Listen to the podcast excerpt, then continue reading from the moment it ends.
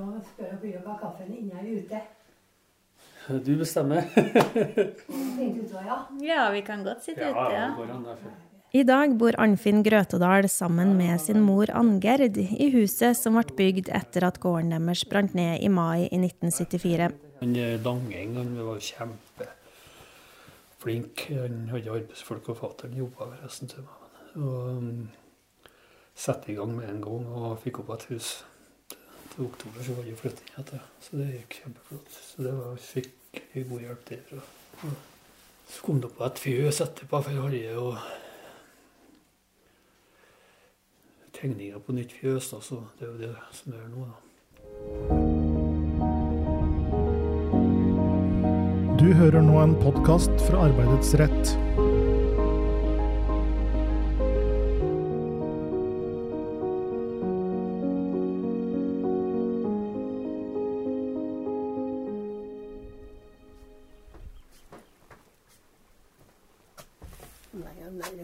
Sol. Ti personer bodde sammen i huset da gården brant ned til grunnen, og fire personer omkom. Angerd var en av dem som kom seg ut sammen med sin mann Hilmar og sine fire barn. Fra andre etasjen hoppa hun ut av vinduet før hun tok imot sin tre år gamle datter. At det var brann, hadde hun ikke skjønt med en gang. Det jeg mente jeg kom inn med ungdommer på kvisten som holdt på å lekte, så hadde jeg hørt. Det kom om en det, det var eh, skal si Inntaket, hva skal si. Det var oppe på kvista. I dag er storfamilien på nytt samla på en gård i Hessdalen, med Arnfinn og Angerd i den ene delen av huset, Arnfinns svigerforeldre i den andre, og Arnfinns sønn Anders og hans samboer på den andre sida av veien. Ja, det er fint å bo her. Ja, i hvert fall når du er vant til det, så vil ikke bo noen annen plass. Nei, jeg er ikke. Noen som sier seg enig i det, er sønnen Anders.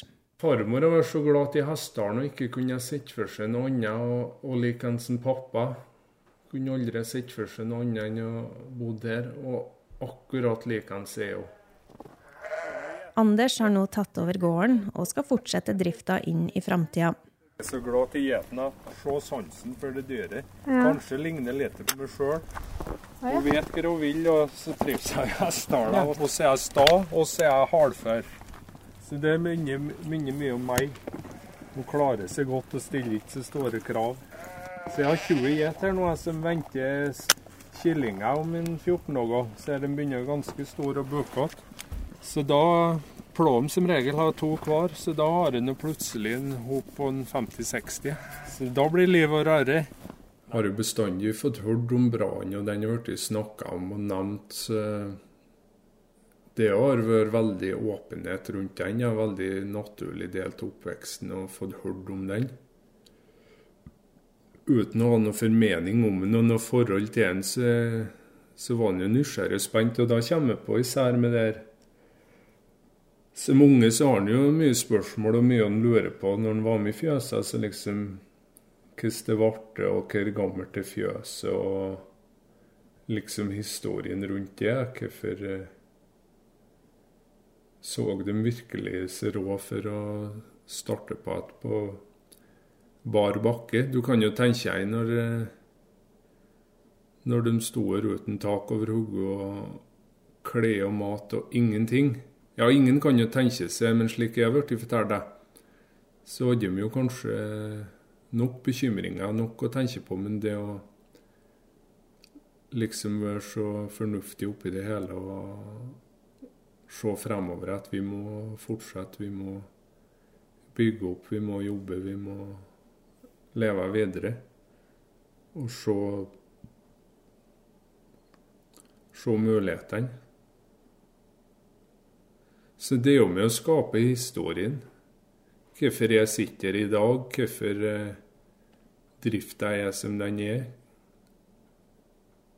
Hvorfor familien er slik, hvorfor, eh, hvorfor gården er her. Han er jo reist opp på, på ei tomt utskjørt fra nabobruket som eh, ligger noen hundre meter lenger ned fra der det brant. Og historien av farmor forteller om oppveksten sin og, og livet sitt. Alt hun har kjempa og alle hun har mista. Og den farmora som jeg har kjent hele livet, det, det er så beundringsverdig. Det går ikke an å sette seg inn i livet inne og forstå at hun er den, den eh, positive og energiske dama, og det ja-mennesket. I et intervju i Arbeidets Rett i 2019 ga Angerd følgende råd til andre som møter motgang. Det blir likere, og vi har mye å leve for. Det siste sa også forsikringsmannen som oppsøkte dem etter brannen. Dere har mye å leve for. Dere mista fire eldre familiemedlemmer. De fire ungene berga. Det kunne ha vært omvendt. Hun er jo hele tida liksom trøsta seg med at en fikk utlevert mer En fikk mer motbør enn enn en greier å møte, og skuldrene greier å bære. Men det, det virker jo litt urettferdig. Jeg har ikke noen unger ennå, men liksom den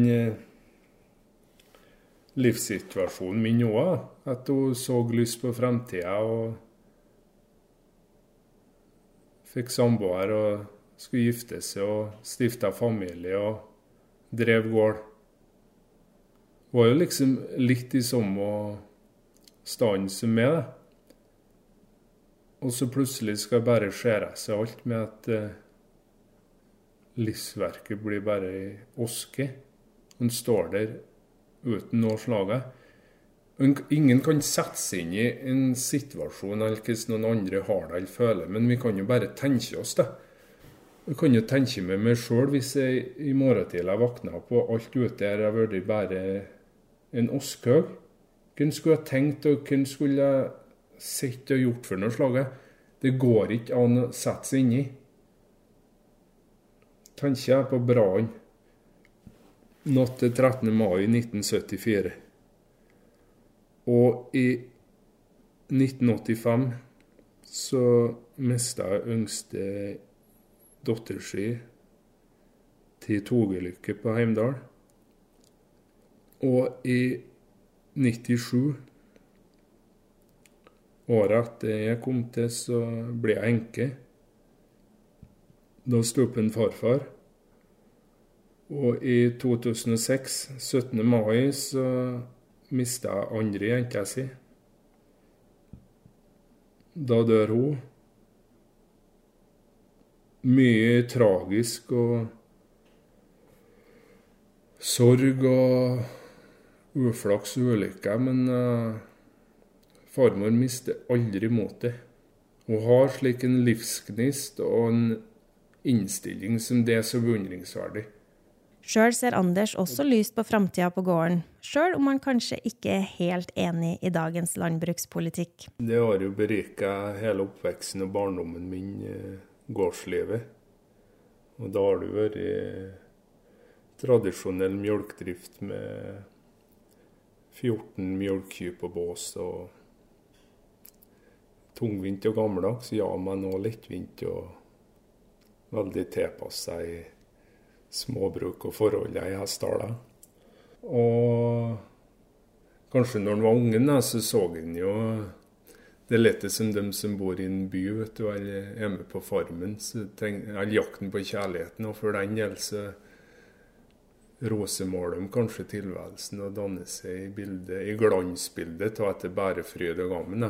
Men etter hvert som han ble gamlere, så, så får en jo mer perspektiv på og respekt for det arbeidet og slitet som ligger bak. Og etter hvert òg den økonomiske sida ved det, og inn, iallfall inn i framtida, slik som utviklinga er nå, så stort sett så det er en trist utvikling ja, for norsk landbruk. Jeg skulle ønske det var Framtida var slik som oppveksten min, med mange små bruk og vi er jo bra stilt i Hessdala i dag med seks-sju mjølkebruk. Kom på vi er drygt 100 innbyggere. Så det er jo bra miljø og mye landbruk borti her. Jorda blir sli og, og utmarka beter. Men framtida, det, det blir spent. Men jeg ser ikke noe veldig positivt på det. Sånn, for min del gjør jeg det, ja. Men sånn miljømessig og kollegialt så er det trist.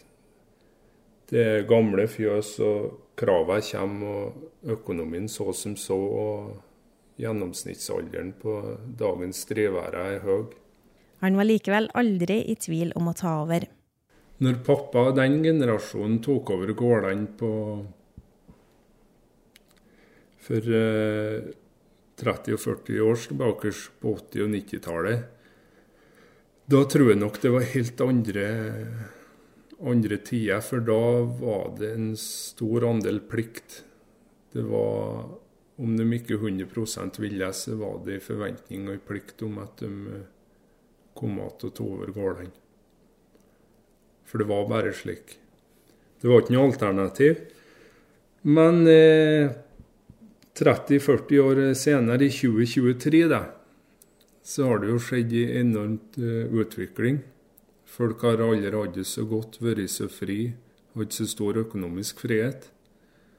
Og det må man jo respektere. Eh, ungdom og unger som vokser opp i dag, de har jo enormte muligheter. Og da, da kan ikke de som sitter på gård og grunn, forvente og kreve at uh, de skal gå i deres fotspor. Og det, det respekterer jeg. Men for min egen del så har det aldri vært noe annet alternativ. Jeg kunne aldri ha sett for meg å bo noen annen sted enn oppe i lia her. Og jeg kunne aldri ha sett for meg noe annet enn å ta over gården og drifta og, og fortsette inn i framtida og sette framover med de ressursene som ligger til grunn. Gårdsdrifta kombinerer han med jobb på Coop. Sånn, sånn dyrehold greier å kombinere med annen jobb. Og da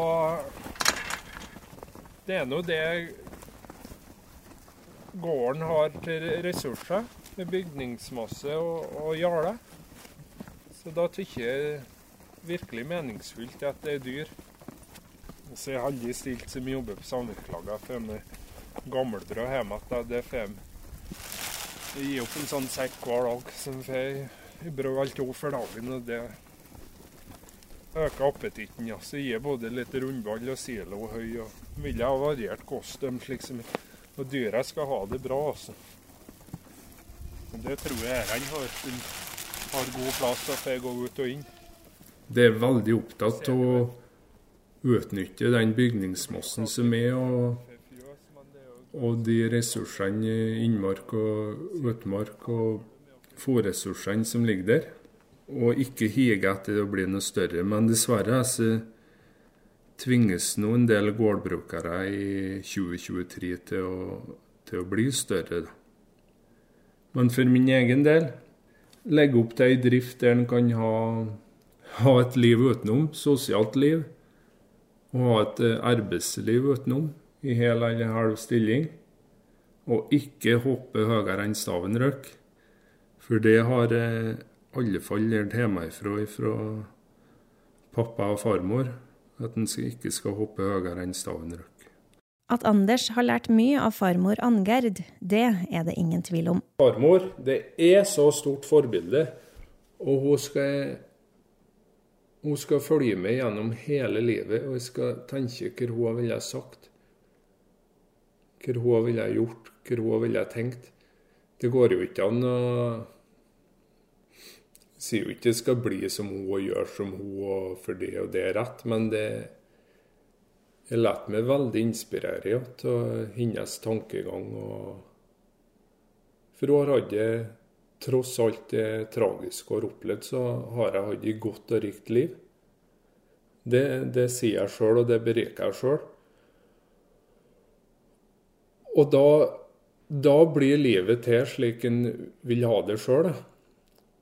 Det er jo ikke så enkelt å si, for en eh, vet jo ikke hva som skjer i morgen og hva som skjer om ti år. Men hvordan kommer du de hendelsene, og hvordan takler dem, hvordan møter dem, det, det er det bare du sjøl som bestemmer.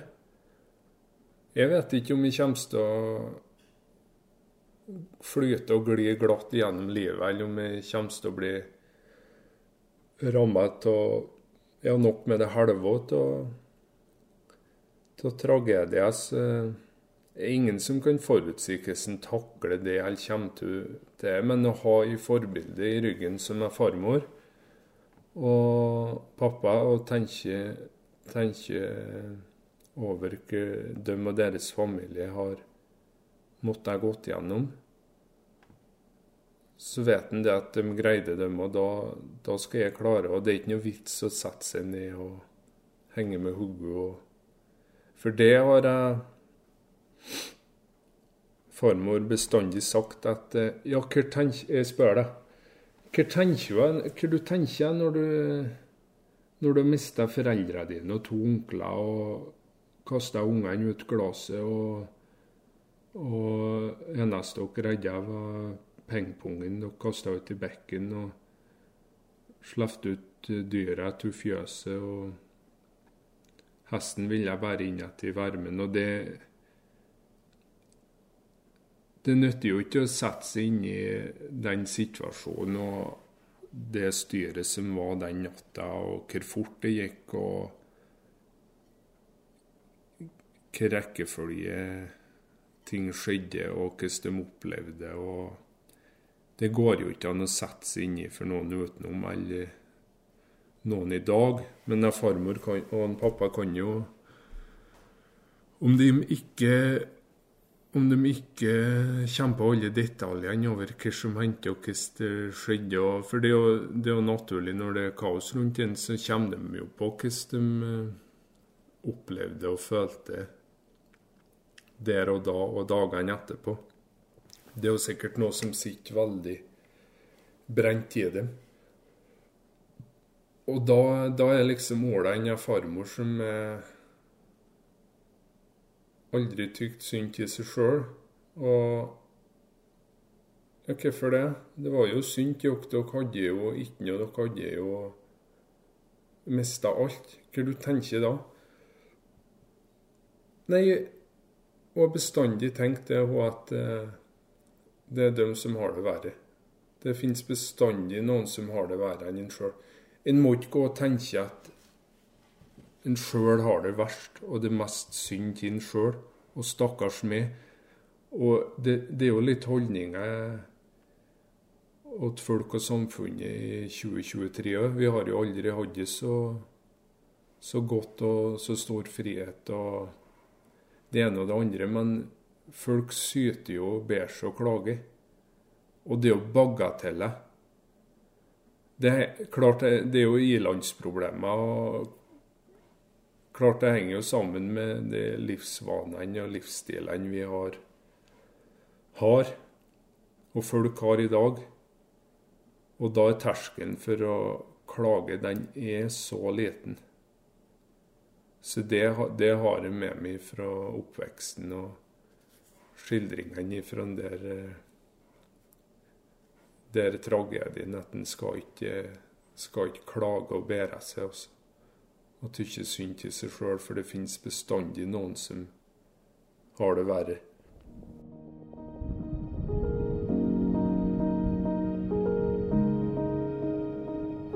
Du har hørt den tredje og siste delen om dødsbrannen i Hessdalen fra Arbeidets rett. Programleder og produsent Marit Langseth. Research Guril Bergersen. Og ansvarlig redaktør Guri Hjortveit.